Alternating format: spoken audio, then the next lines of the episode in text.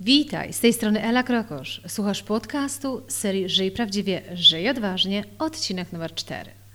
I to jest druga część odcinka na temat typów osobowości według metodologii MBTI.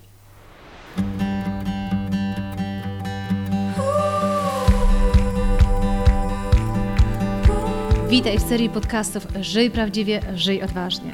Ja nazywam się Ela Krokosz i od 20 lat zajmuję się tym, co jest moją pasją rozwojem potencjału ludzi.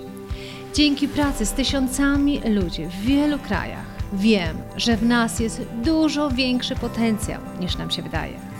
Moją rolą jest pomóc ludziom dostrzec ich potencjał, a potem zrobić wszystko, aby go wykorzystali. Prowadzę indywidualne coachingi, szkolenia oraz programy online, w których wykorzystujemy strategię skutecznego zarządzania własnym potencjałem. Podcastach Żyj Prawdziwie i Odważnie znajdziesz inspiracje, wywiady i konkretne rady, jak skutecznie zarządzać Twoim potencjałem, który często nazywam talentem. Witam Cię bardzo serdecznie. To jest podcast, tak jak wspomniałam, jest to druga część podcastu na temat typów osobowości według metodologii Myers-Briggs Type Indicator, czyli MBTI. Jeżeli nie słuchałeś bądź nie słuchałaś odcinka numer 3, w którym mówię w ogóle, co to są typy osobowości, co to znaczy MBTI, to myślę, że to jest bardzo ważne, żebyś najpierw posłuchał czy posłuchała tamtego odcinka. Bo inaczej to bardzo trudno będzie Ci zrozumieć, co to tak naprawdę znaczy te preferencje, co to znaczy nasz preferowany sposób funkcjonowania. Także bardzo Cię mocno zachęcam, posłuchaj najpierw odcinka numer 3, bo tam opowiadam, czym jest tak naprawdę MBTI. Ale zakładam, że słuchałaś czy słuchałeś tego odcinka, natomiast potrzebujesz malutkiego przypomnienia. To pozwól, że to zrobię. A więc MBTI, czyli Myers-Briggs Type Indicator, to jest taka typologia, którą się wykorzystuje do pomocy ludziom w określaniu ich typów osobowości.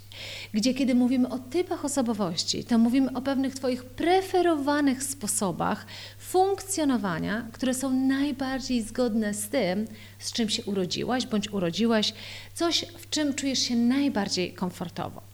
Być może pamiętasz z poprzedniego podcastu, z tego odcinka numer 3, nasze ćwiczenie z pisaniem Twojego imienia. I pisaliśmy pierwszą ręką, tą taką Twoją naturalną, Twoje imię i nazwisko, i potem prosiłam Cię, żebyś zamienił rękę i napisał drugą ręką dokładnie to samo. I pamiętasz, jak omawialiśmy, czy przedstawiałam Ci, na czym głównie właśnie polegają różnice pomiędzy jedną ręką a drugą ręką. Kiedy Cię pytałam i zakładałam, że takie są Twoje odpowiedzi na podstawie tysiące, że tak powiem, takich testów, które robiłam z ludźmi, że zazwyczaj jest tak, że jeżeli piszemy tą naszą ręką preferowaną, czyli na przykład jesteśmy praworęczni, to to pisanie jest dla nas normalne, proste, automatyczne, mało co nas męczy. Natomiast kiedy musimy wykorzystać lewą rękę, czyli jakby tą mniej preferowaną, coś do czego nie jesteśmy przyzwyczajeni, to też byliśmy to w stanie zrobić. Może efekt przy pierwszym podejściu był dużo gorszy, dużo więcej wysiłku to od nas wymagało i faktycznie musieliśmy być skupieni na tym, co robimy. I w oparciu, dlatego to nazywaliśmy takimi preferencjami, w oparciu o to ćwiczenie pokazywałam Ci, że Jung, który jest jakby ojcem generalnie tych wszystkich teorii, powiedział, że z czymś się rodzimy, jakby coś jest naszą naturalną preferencją. Może na pewnym etapie początkowego naszego życia to jest też kształtowane, ale generalnie to nie jest tylko tak, że się rodzimy z preferencją do pisania jedną bądź drugą ręką, tylko w ogóle rodzimy się do tego, że pewien sposób podejścia do życia, pewien sposób zajmowania się pewnymi rzeczami, ładowania naszych baterii, bycia bardzo zorganizowanym albo niezorganizowanym, to jest też coś, co może być naszą preferencją. I tak jak mówiłam w poprzednim podcaście, i nie będę dużo więcej już robić wstępu do MBTI, bo szkoda troszkę czasu, dlatego że zachęcam Cię, żebyś w takim razie posłuchał czy posłuchała tego wstępu w odcinku numer 3, ale muszę podkreślić, że to, co my robimy, czyli to, że chcemy odkryć swoje preferencje, to bardziej po to, żeby wiedzieć, co jest dla nas naturalnym stylem zachowania czego robienie będzie nam dawać dużo więcej poczucia spełnienia, w czym się będziemy czuć dużo lepiej. Ale to absolutnie nie oznacza, że na przykład funkcjonowanie w sposób bardzo uporządkowany, planowanie wszystkiego nie jest Twoją naturalną preferencją, to kompletnie nie oznacza, że kiedy zadanie będzie tego wymagać, to Ty nie będziesz umiał czy umiała sobie tego zaplanować. Także w ten sposób odkrywaj swoje preferencje, co jest Twoim naturalnym sposobem podejścia, co Cię mniej męczy, ale jeżeli tylko z perspektywy tego, co chcesz osiągnąć, musisz zacząć funkcjonować w inny sposób, to też możesz się tego nauczyć. Mówiliśmy też w poprzednim module, że MBTI mierzy cztery podstawowe rzeczy i te dwie pierwsze rzeczy omówiliśmy sobie właśnie w części pierwszej. W drugiej części, czyli w tym podcaście, skupimy się na dwóch pozostałych wymiarach, czyli co już określaliśmy. Po pierwsze, w jaki sposób zarządzasz swoją energią. I powiedzieliśmy sobie, że są typy, które preferują świat zewnętrzny, czyli mają preferencję na ekstrawersję, i są typy, które ładują swoje baterie w świecie wewnętrznym.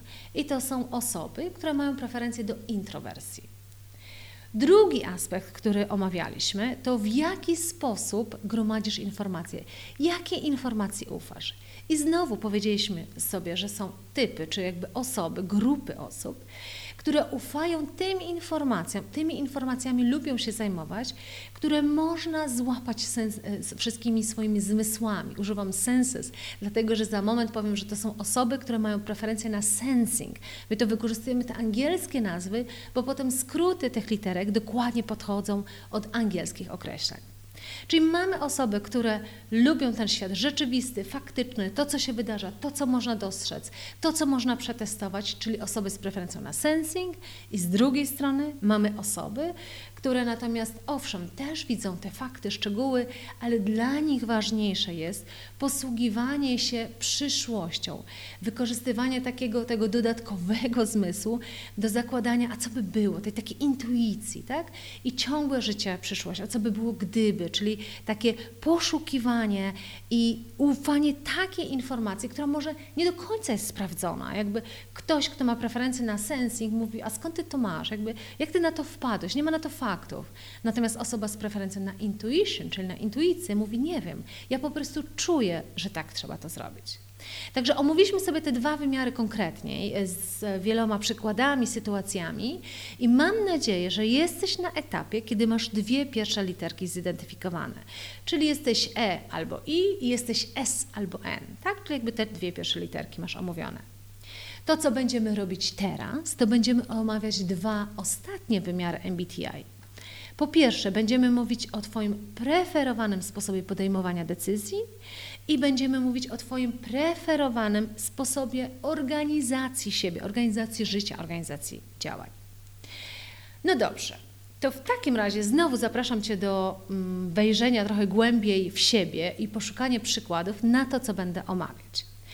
Pierwszy wymiar, e, którym się teraz zajmiemy, to jest Twój preferowany sposób podejmowania decyzji. I mamy dwa podejścia. Mamy z jednej strony osoby, które mówi się mają preferencje na tak zwane thinking, a z drugiej strony mamy osoby, które mają preferencje na tak zwane feeling.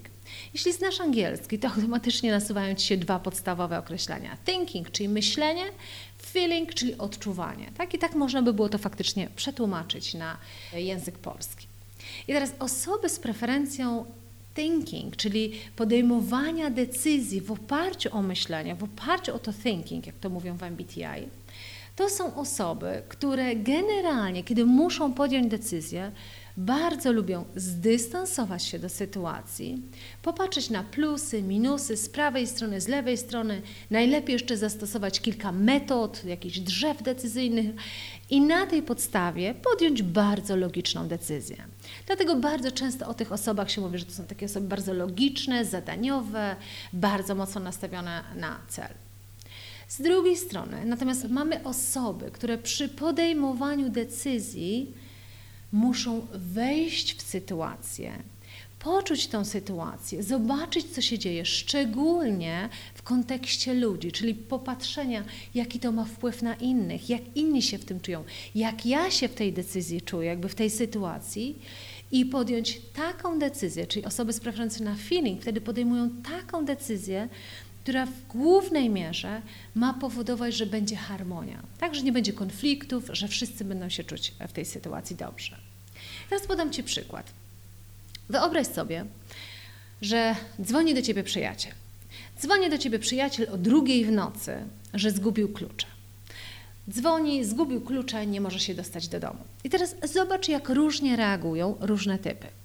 Osoby z preferencją na thinking od razu włącza im się mechanizm pomocy temu człowiekowi poprzez rozwiązanie problemu, zdystansowanie się i rozwiązanie problemu. W związku z tym pierwsze co mówią, ok, czy masz gdzieś klucze zapasowe, czy może komuś zostawiłeś klucze zapasowe? Ok, nie. Czy znasz jakiegokolwiek ślusarza? Dobrze. Czy masz telefon do jakiegoś ślusarza? Czy ci znaleźć tego ślusarza?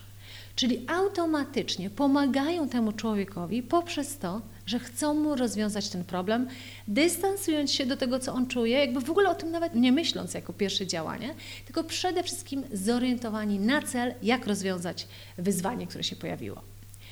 Ta sama sytuacja, ten sam przyjaciel dzwoni do innego człowieka, który ma preferencję na feeling.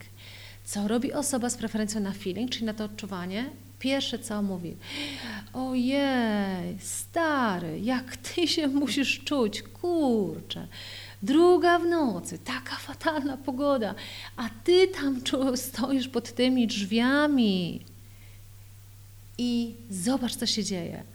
Z perspektywy osoby nastawionej na feeling, Pomoc polega na tym, zanim w ogóle podejmie jakąkolwiek decyzję, żeby najpierw poczuć empatycznie tą osobę i się zastanowić, co jest jej potrzebne. Tak? I być może poprzez wejście w tą empatię, za moment wymyślimy, że może słuchaj, przyjedź do mnie, co będziesz sam z tym, za moment razem coś wymyślimy. I teraz zobacz, że oba typy, i osoby z preferencją na thinking, i osoby z preferencją na feeling, chcą pomóc. Obie są pomocne, tylko robią to w troszeczkę inny sposób. No dobrze, idźmy dalej, bo chcę Ci dawać takie przykłady, żebyś mógł czy mogła właśnie identyfikować, co jest taką prawdziwą, Twoją naturalną preferencją. Czyli gdyby nie chodziło o zjednywanie przyjaciół, gdyby nie chodziło o to, żeby były dobre relacje, tylko i wyłącznie, to jaki byłby Twój taki naturalny sposób podejścia do wielu rzeczy? Znowu, osoby z preferencją na thinking, kiedy się z czymkolwiek mierzą, i muszą jakąkolwiek decyzję podjąć, to przede wszystkim cenią sobie obiektywizm. Czyli lubią rozwiązania i decyzje, które ich zdaniem są bardzo obiektywne. Nie mają one w ogóle związku jakby z sytuacją tej osoby. Z drugiej strony mamy te osoby z preferencją na feeling, cenią sobie przede wszystkim harmonię i relacje z innymi. Dla nich to jest najważniejsze. W związku z tym, jeżeli mogą podjąć jakąkolwiek decyzję, to najpierw się zastanawiają, jaką relację chcą zbudować, co chcą stworzyć z perspektywy właśnie tej harmonii i relacji. I znowu przykład. Wyobraź sobie, że jest spotkanie zespołu. Jest generalnie zespół, w tym zespole jest 10 osób jest taka jedna osoba, która ma małe dziecko i to dziecko musi codziennie rano odprowadzać do żłobka. No ale jak to się często dzieje, w odprowadzaniu tej córeczki, załóżmy do żłobka, zanim ona się ubierze, zanim ona wstanie, a taki dwulatek to naprawdę robi swoje rzeczy i nie do końca ma ochotę się słuchać e, mamy czy taty, to zanim ona sobie poradzi z tym dwulatkiem, to zazwyczaj jest tak, że jest już spóźniona codziennie o 15 minut. Natomiast problem polega na tym, że jest to dział, który od godziny 8 rano musi odbierać telefony od klientów. No i zazwyczaj dotychczas było tak, że gdzieś tam wszyscy przymykali oko na to, że ona się notorycznie musi spóźniać. Natomiast w końcu ktoś nie wytrzymał i podnosi to na spotkaniu i mówi, że trzeba ten problem rozwiązać. W związku z tym osoba właśnie z preferencją na thinking uważa, że należy wymyślić takie rozwiązanie dla całego zespołu dziesięcioosobowego, które jest obiektywne, nieuzależnione od indywidualnej sytuacji i które jest fair dla wszystkich. I dlatego mówi: OK, ona ma dzisiaj małą córeczkę, którą musi odprowadzać do żłobka i dlatego jest spóźniona, a ja mam psa, którego muszę rano wyprowadzać. A ktoś inny bardzo chciałby codziennie rano chodzić sobie na przykład na siłownię, ale to może powodować, że czasami się spóźni. Dlaczego posiadanie dziecka daje jakiś przywilej? Według osoby z preferencją thinking należy zbudować takie rozwiązanie, które jest obiektywne, czyli niezależne od indywidualnej sytuacji. Natomiast jak do tej samej sytuacji podchodzi osoba z preferencją na feeling? Osoba z preferencją na feeling, tak jak powiedziałam, przede wszystkim wchodzi w tą sytuację i próbuje jakby zrozumieć każdego indywidualne wyzwania. I mówi wtedy, no słuchajcie, kurczę, no pomyślcie sobie, wyprowadzenie psa na spacer w stosunku do zaprowadzenia córki do żłobka są dwie kompletnie różne rzeczy. Pies się przynajmniej słucha, a z córką jest różnie. W związku z tym uważam, że należy wymyślić takie rozwiązanie, które jest odzwierciedleniem każdej indywidualnej sytuacji. Czyli dzisiaj ty możesz się spóźnić 15 minut, ale za jakiś czas być może ty będziesz mieć dzieci. Także musimy wziąć pod uwagę indywidualne sytuacje. Takie podejście jest zdaniem osoby z preferencją na feeling absolutnie fair. Z perspektywy osoby z preferencją na thinking to jest absolutnie jakiś absurd, dlatego że nie można się zdystansować i w sposób obiektywny podjąć decyzję. Idźmy dalej. Osoby z preferencją na thinking potrafią bardzo dobrze analizować. One są naprawdę w tym doskonałe. Osoby z preferencji na feeling natomiast potrafią doskonale zrozumieć innych. Właśnie mają tą empatię na bardzo wysokim poziomie, najczęściej. Osoby z preferencją na thinking, taki jest ten ich naturalny sposób funkcjonowania. Jeżeli im coś pokażesz, jakąś rzecz, z której jesteś dumny, którą zrobiłeś, to ich naturalny sposób reakcji jest taki: najpierw kwestionują, najpierw znajdą ci tysiące ale, a potem może dostrzegą zalety. Jakby z ich perspektywy po to im to pokazujesz, żeby można było to ulepszyć, żeby można to było zrobić jeszcze lepszym. Dlatego wyciągają ci te wszystkie wady. Osoby z preferencją na feeling najpierw akceptują, czy jeżeli im coś przyniesiesz, to one tam będą mówić bardzo dużo dobrych słów na temat tej pracy, wszystko prawie wychwalać, może dostrzegą jakieś wady. Tak? Bo z perspektywy osoby nastawionej na feeling, to chodzi o to, żeby doceniać ludzi za to, co robią, za ich intencje, za to, co mają. Ta jakość, którą się dostarcza, jest drugorzędna. Najważniejsze są intencje tego człowieka, że chciał dobrze to myślę, że już możesz sobie wyobrazić te, te potencjalne konflikty, które mogą się też wydarzyć właśnie chociażby w takim e, zamyśle. Czyli osoba z preferencji na feeling przychodzi do osoby z preferencji na thinking z czymś, licząc na to, że zaraz ktoś ją pochwali, doceni. A thinking zaczyna krytykować. Tamte się obraża, a on sobie myśli, ale przecież ja chcę jej pomóc, bo chcę jej pracę wznieść na kolejny poziom. Idźmy dalej. Teraz zaczynają się pewne stereotypy, czyli osoba z preferencją na thinking patrzy na osobę z preferencją na feeling i mówi, co za emocjonalny typ. Zmienia zdanie w zależności od nastroju, w zależności od tego, jak się kto czuje. Osoba z preferencją na feeling natomiast patrzy na ten thinking i mówi, co za zimny, bezosobowy typ. I znowu uwielbiam taki przykład, który stosuję na szkoleniu i to tak pięknie od razu wyłapuje też tą preferencję. Kiedy wyobrażamy sobie taką sytuację, też możesz sobie to wyobrazić.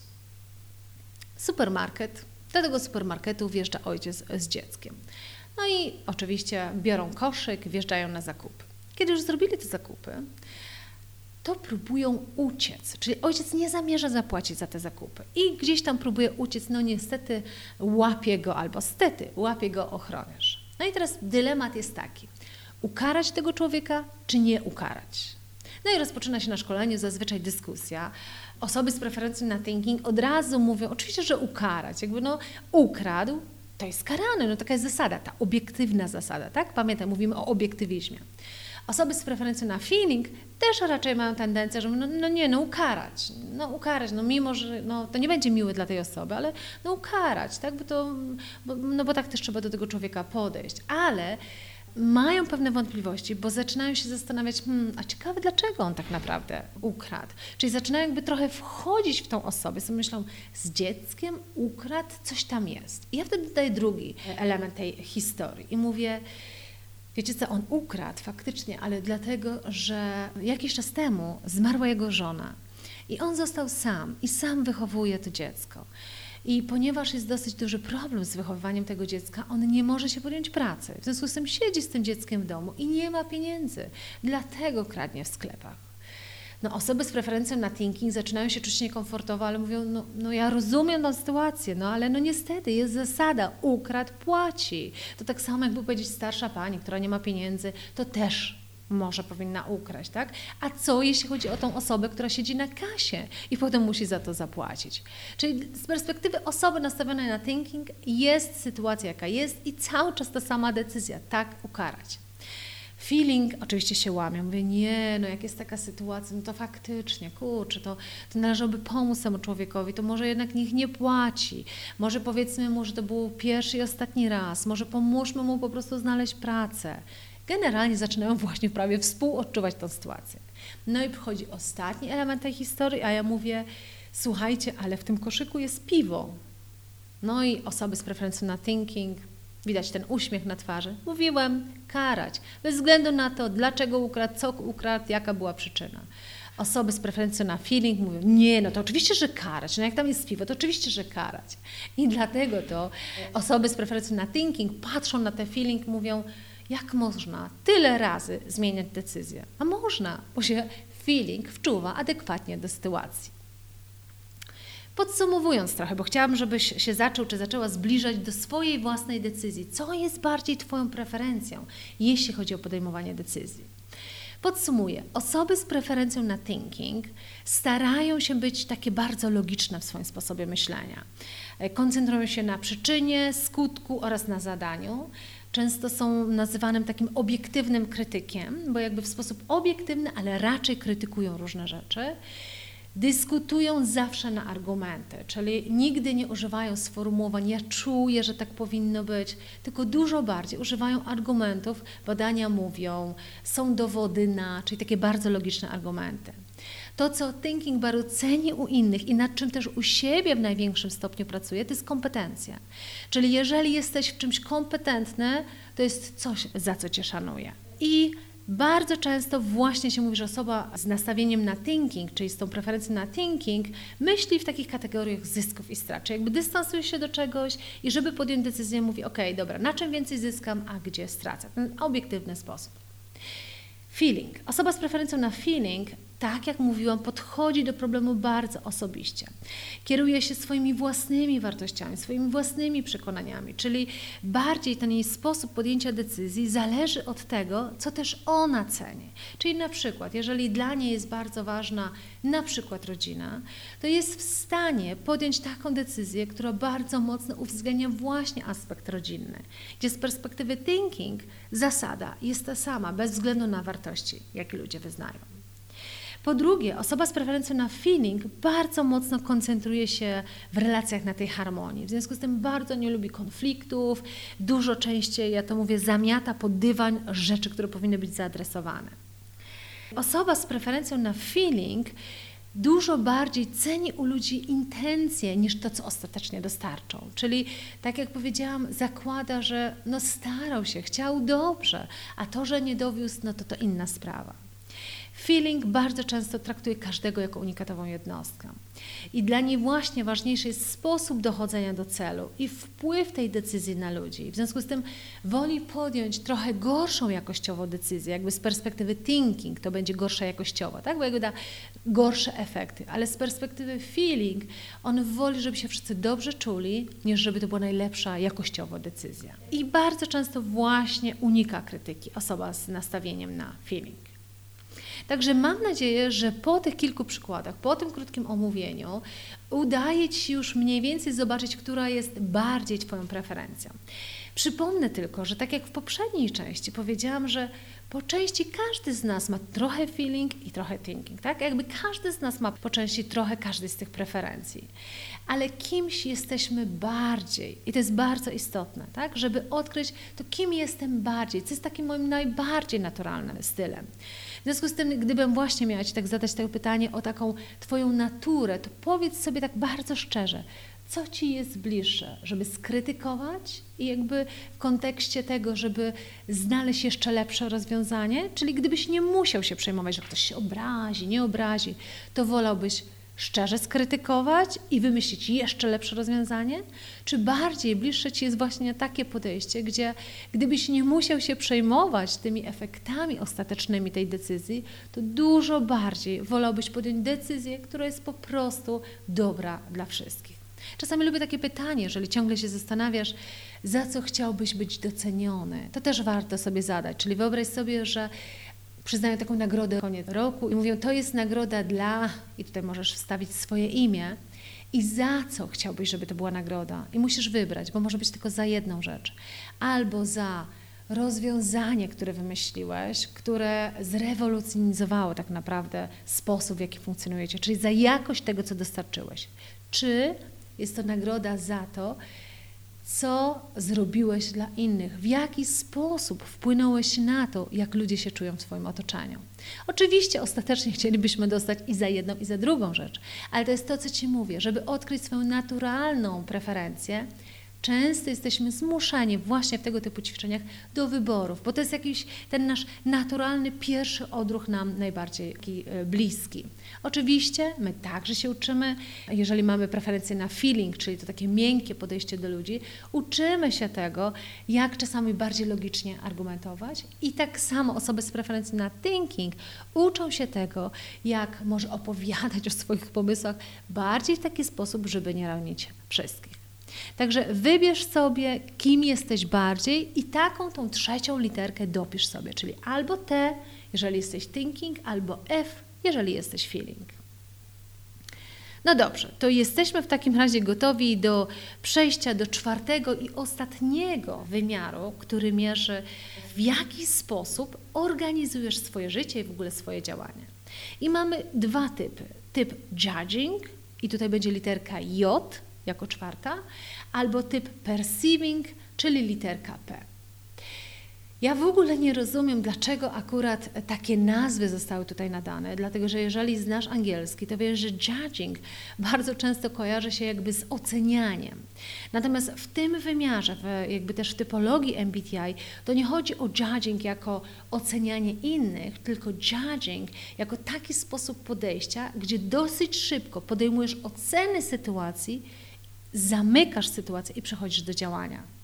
Dlatego też mówi się o tym judging. No dobrze, to przejdźmy teraz bardziej szczegółowo. Ok.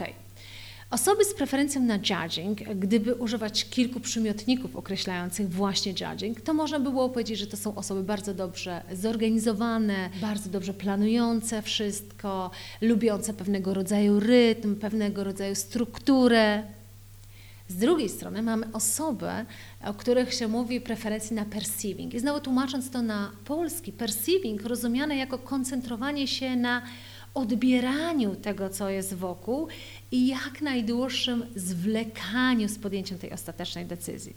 To, co się mówi o perceiving, to właśnie to, że są bardzo elastyczne, nie mają problemu z tym, że jeżeli raz podejmą jedną decyzję, to za moment ją zmienią, bo się nowe okoliczności pojawiły. Jakby w związku z tym, skoro się pojawiły nowe okoliczności, to dlaczego by decyzji nie zmienić? Co dla judging jest prawie niemożliwe.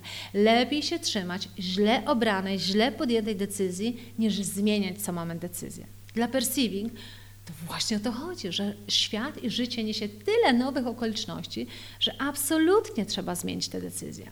Czyli dlatego perceiving, mówi się, że to są osoby bardziej elastyczne, bardziej eksplorujące możliwości, dużo więcej czasu poświęcają na to, żeby podjąć swoją decyzję po to dlatego, że jakby tyle jeszcze rzeczy może się po drodze pojawić. W związku z tym nie zamykajmy sobie opcji. Tak myśli osoba z preferencją na perceiving.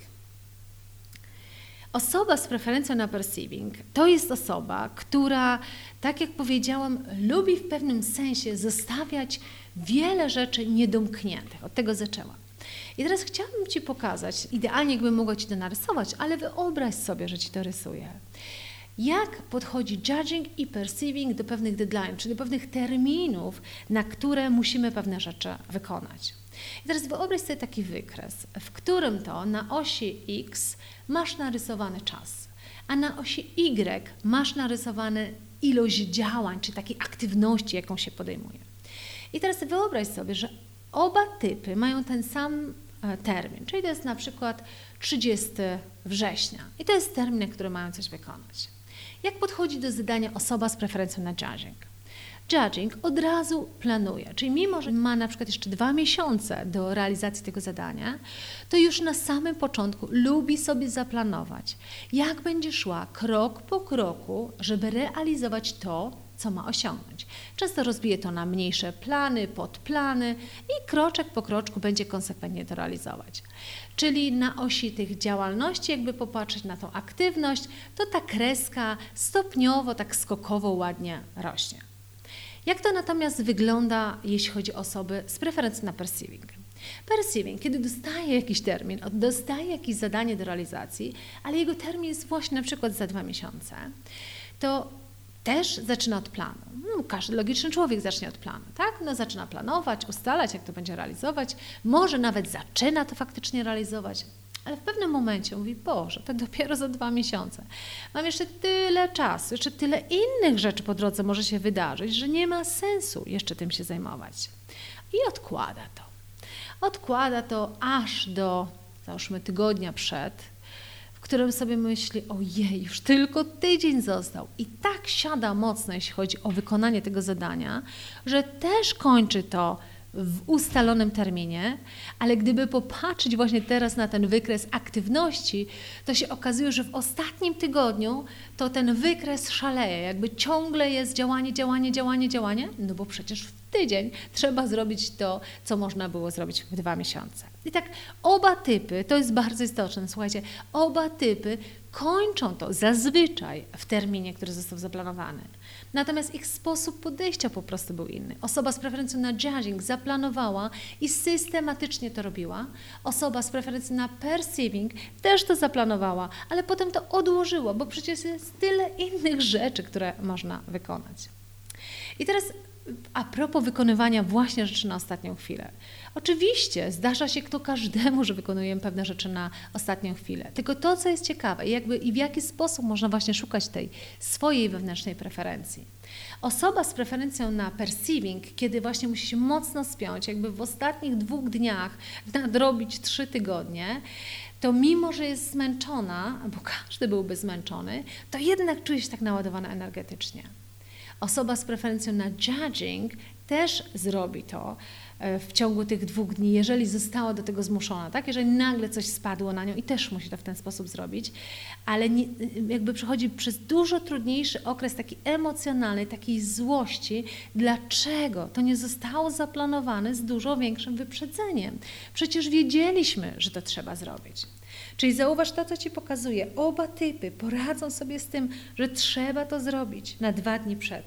Tylko jeden będzie pracował i tak nie za bardzo się tym frustrował, a drugi natomiast będzie dużo bardziej się tym męczył i frustrował, że przecież można było to zaplanować.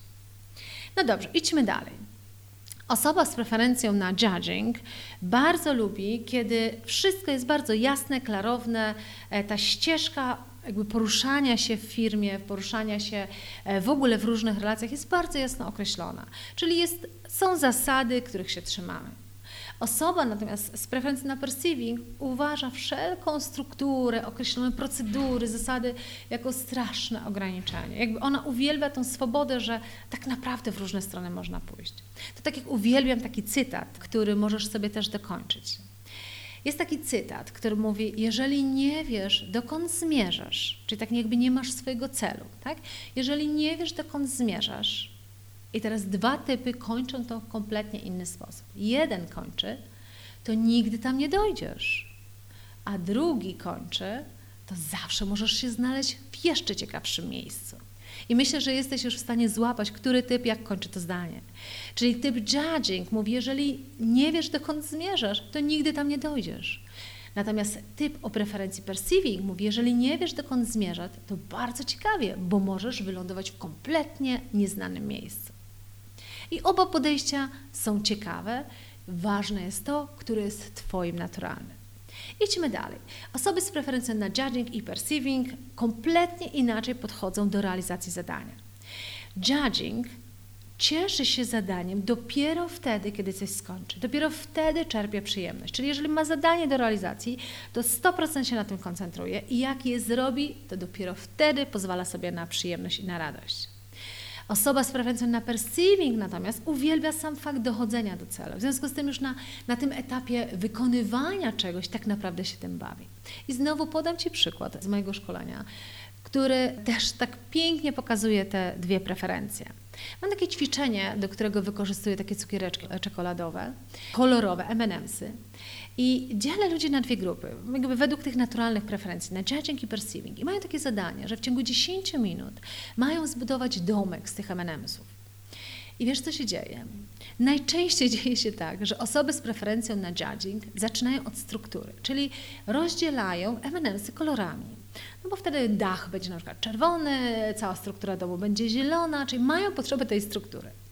Potem dzielnie robią to. Zazwyczaj jest tam mało śmiechu, dużo takiej konkretnej e, dyskusji, jak to zrobić. I ja im daję na to 10 minut. Ona zazwyczaj po 7, najpóźniej po 7 judging kończy.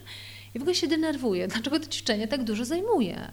Zerka tak jakoś trochę niespokojnie na inne typy, czyli na perceiving, mówi, czemu oni się tak kuszą tym? Oni już skończyli, są gotowi. I prawie jak skończą, czyli prawie przed tą ostatnią minutą, ja przechodzę do tego typu judging i mówię, ach, zapomniałam dodać taki jeden szczegół, ten dom musi mieć dwa garaże. Oni oczywiście nie mają dwóch, bo o tym nie pomyśleli. I zaczyna się wielki bunt ze strony judging. Ale jak to? Nie powiedziałaś tego wcześniej. Nasz projekt jest zamknięty. To jest to, co Ci powiedziałam. Judging koncentruje się na tym, żeby jak najszybciej zamknąć i nawet jeżeli pojawiają się nowe okoliczności, to judging zrobi wszystko, żeby ich nie uwzględnić. Jak pracuje perceiving? Perceiving od samego początku też pracuje bardzo ciężko, ale tam jest dużo więcej śmiechu, dyskusji, generalnie zabawy tym, że budują ten dom. Jeszcze mi się nie zdarzyło, żeby perceiving podzielił M&M'sy na kolory. Generalnie układają to w sposób, w jaki można ułożyć. Ale co jest ciekawe, to zawsze zadaję pytanie na koniec, kto podjadał M&M'sy? Oczywiście obserwuję to wcześniej. I co się okazuje? Że osoby z preferencji na perceiving najszybciej ze wszystkich typów sięgają po M&M'sy. Czyli jedzą, dają sobie tą przyjemność, mają fan tak naprawdę z tego, że budują ten domek i sobie podjadają te smakołyki. Osoby z preferencją na judging też podjadają, ale wiesz kiedy? Dopiero jak mają już skończony dom. I to jest fantastyczne do oglądania, gdzie właśnie ten judging dopiero wtedy czerpie przyjemność, kiedy robota jest wykonana. I kiedy ja do perceiving, osoby z preferencją na perceiving podchodzę i mówię, no teraz trzeba, do, wiecie, dobudować drugi garaż, bo to ma mieć dwa garaże. Może pojawi się przez moment, ale jak, nie powiedziałaś. Ale dosyć szybko mówię, a dobra, chodźcie, tutaj zaraz coś wymyślimy. Tak, że jakby dla nich nie ma to problemu, że przyszła nowa rzeczywistość i trzeba projekt zmienić. Co jeszcze chciałam powiedzieć? Osoby z preferencją na judging, tak trochę podsumowując, uwielbiają wszelkiego rodzaju plan i wszelkiego rodzaju rutynę, ale rutynę rozumianą jako pewnego rodzaju porządek, który daje im taką, takie poczucie bezpieczeństwa. Gdyby popatrzeć, to mówię czasami, gdyby popatrzeć na biurka obu typów, to też dosyć łatwo byłoby już wyłapywać tę preferencję, dlatego że biurko osoby najczęściej, choć nie zawsze, jest w ten sposób zorganizowane, że wszystko ma swój porządek, na wszystko są odpowiednie miejsca i raczej jest tam właśnie pewnego rodzaju porządek. Jeśli chodzi o perceiving, perceiving uwielbia różnorodność, zmiany co moment.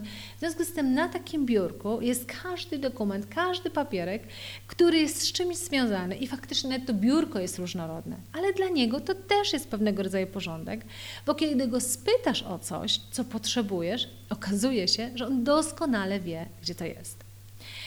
Osoby z preferencją na judging i perceiving kompletnie inaczej czytają książki, ja się zawsze śmieję.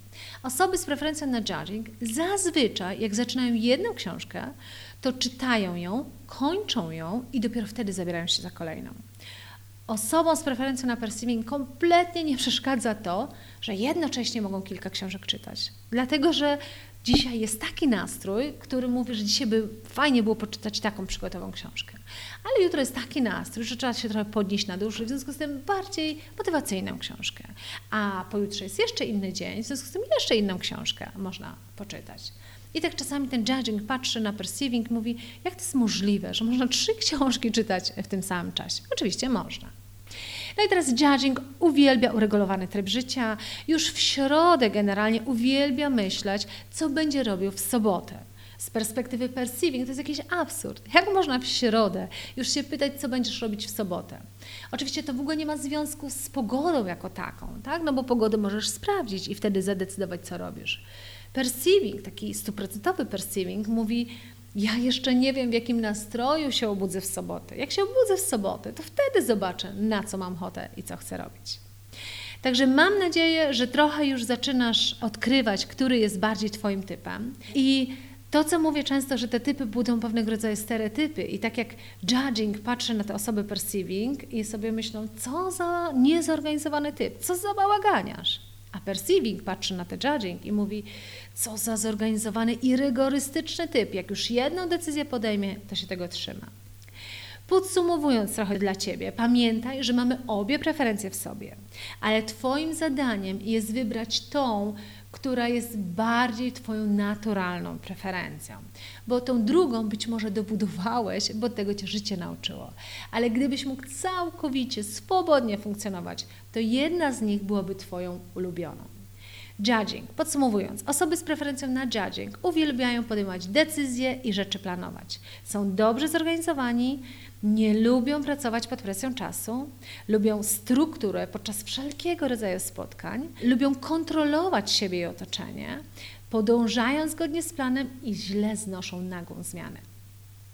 Osoby z preferencją na perceiving natomiast uwielbiają pozostawiać opcje otwarte tak długo, jak to możliwe, bo tak wiele jeszcze może się wydarzyć i szkoda stracić te możliwości, które życie niesie nie lubią właśnie podejmować zbyt wcześnie decyzji. W związku z tym mają tendencję do zbyt późnego podejmowania decyzji, no bo przecież jeszcze tyle rzeczy może się wydarzyć. Presja czasu, mówiąc szczerze, działa na nich motywująco. Często perceiving są, to są ludzie, którzy są postrzegani jako osoby spontaniczne, bo jakby w ostatnim momencie się na coś decydują albo na jakiś pomysł wpadają. Bardzo dobrze się adaptują do zmian, nawet uwielbiają zmiany i źle znoszą sztywne procedury. Także mam nadzieję, że jesteś już po takiej swojej własnej autoanalizie, czy jesteś bardziej J, czy bardziej P, czy jesteś bardziej judging, czy jesteś bardziej perceiving. Także mam nadzieję, że po tym moim kolejnym podcaście, czyli po drugiej części typów osobowości według metodologii MBTI, czyli Myers-Briggs Type Indicator, masz teraz swoje cztery literki. Może jesteś ES, TJ albo INFP, no jakakolwiek jest Twoja kombinacja. Mamy 16 typów, bo jest 16 kombinacji tych literek. I teraz to, co chciałabym Ci zaproponować, to jako materiał dodatkowy, to mam dla Ciebie po pierwsze przygotowane kilka takich stron podsumowujących te dwa wymiary, czyli jeżeli jeszcze raz się chcesz nad tym pochylić, czy jestem bardziej J, czy bardziej P, to jest taka jedna strona, która jakby to trochę podsumowuje. Ale drugą rzecz, którą dla Ciebie mam do ściągnięcia, i to jest pod tym podcastem, to jeżeli masz pewność co do na przykład trzech literek, czyli wiesz, że na pewno masz typ ekstrawertyczny, wiesz, że na pewno wykorzystujesz tą swoją intuicję, bardzo analitycznie podejmujesz różne decyzje, czyli masz tą preferencję na thinking, ale nie jesteś pewien, czy jesteś judging, czy perceiving. Tu masz takie wyzwanie to ja Ci załączam taką tabelę pisu 16 typów i polecam Ci bardzo, żebyś przeczytał czy przeczytała wtedy oba te typy. Czyli jeżeli jesteś pewny literki E, jesteś pewny literki N i pewne literki T, ale nie wiesz czy J czy P, to czytasz wtedy o ENTP i o ENTJ. Tak? Czyli czytasz tam, gdzie Twoja literka się różni dlatego że wtedy możesz zdecydować, który z tych opisów pasuje do Ciebie bardziej. W ramach tego podcastu ja nie będę Cię zagłębiać w jeszcze inne aspekty związane z MBTI-em, ale powiem Ci, że jest jeszcze coś takiego poziom drugi, każdy z tych wymiarów rozbija się na pięć podwymiarów, jest w ogóle coś takiego jak dynamika typu. To są dość skomplikowane rzeczy, co byśmy mogli je tylko na podcaście omówić, ale dlaczego o nich wspominam? Dlatego, że te opisy w tej kartce o tych 16 typach, one dokładnie to uwzględniają, czy uwzględniają tą taką dynamikę, która się toczy między tymi tymi literkami. I dlatego też po tym opisie możesz mieć jeszcze większą jasność. Tak, to jest dokładnie mój typ. Także mam nadzieję, że ten podcast e, i ten poprzedni o typach osobowości pomoże Ci bardziej zrozumieć, jakiego człowieka na tą ziemię przyniosą kilkanaście czy kilkadziesiąt lat temu, czyli kim tak naprawdę jesteś, jakie swoją, są Twoje naturalne preferencje. I bardzo zachęcam Cię do po pierwsze naprawdę pokochania swojej osobowości, czyli zaakceptowania, że może faktycznie masz generalnie tendencję do bycia bardziej takim roztrzepanym, e, do nieplanowania wykonywania różnych rzeczy, do robienia tego na ostatnią chwilę, ale bo taka jest Twoja natura. To tak jak urodziłeś się z pisaniem prawą ręką, mimo że może marzyłeś o tym, żeby być tym wybrańcem, który, który umie pisać lewą ręką, ale urodziłeś się, jak się urodziłeś. Także po pierwsze, zachęcam Cię bardzo mocno do pokochania swojego typu. Ale drugi krok, który mówię, pamiętaj, że kiedy wiesz, co jest Twoją naturalną preferencją, to kompletnie nie chodzi to o to, żeby Cię to ograniczyło. Jeżeli chcesz pójść w kierunku, w którym będziesz musiał być bardzo zorganizowany, wiele rzeczy bardzo dobrze planować, to Ty się tego nauczysz. Ty się naprawdę możesz tego nauczyć, tak jak pisanie drugą ręką. Tylko pamiętaj, że będziesz potrzebować czasu i pamiętaj, że za każdym razem, kiedy musisz wykonywać czynności, które są poza Twoją taką sferą preferencji, to to wymaga od Ciebie dużo więcej wysiłku.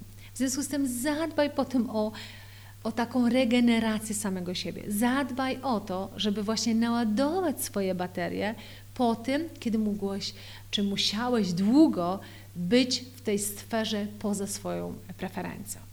Także mam nadzieję, że ten podcast pomoże Ci właśnie w poszukiwaniu tej swojej własnej drogi i w podążaniu za swoją drogą, w docenianiu tym, e, kim jesteś, bo w całej mojej ideologii, w tym żyj prawdziwie i żyj odważnie, dokładnie o to chodzi. Trzymam za Ciebie kciuki w odkrywaniu samego siebie. Ściągnij sobie te dwa dodatkowe materiały, które na pewno Ci wiele rzeczy jeszcze rozjaśnią. Jeżeli natomiast będziesz mieć jakiekolwiek pytanie, to pamiętaj, możesz do mnie napisać, możesz wejść na mój fanpage, możesz do mnie napisać, korzystając właśnie z kontaktu na elakrokosz.pl. I pamiętaj, żyj prawdziwie, żyj odważnie, bo masz tylko jedno życie i jego szefem jesteś Ty. Dziękuję za wysłuchanie podcastu serii Żyj Prawdziwie i Odważnie. Jeśli chcesz być na bieżąco, otrzymywać nowe podcasty oraz dodatkowe materiały, to zapraszam Cię serdecznie na moją stronę elakrokosz.pl. Do usłyszenia już za tydzień.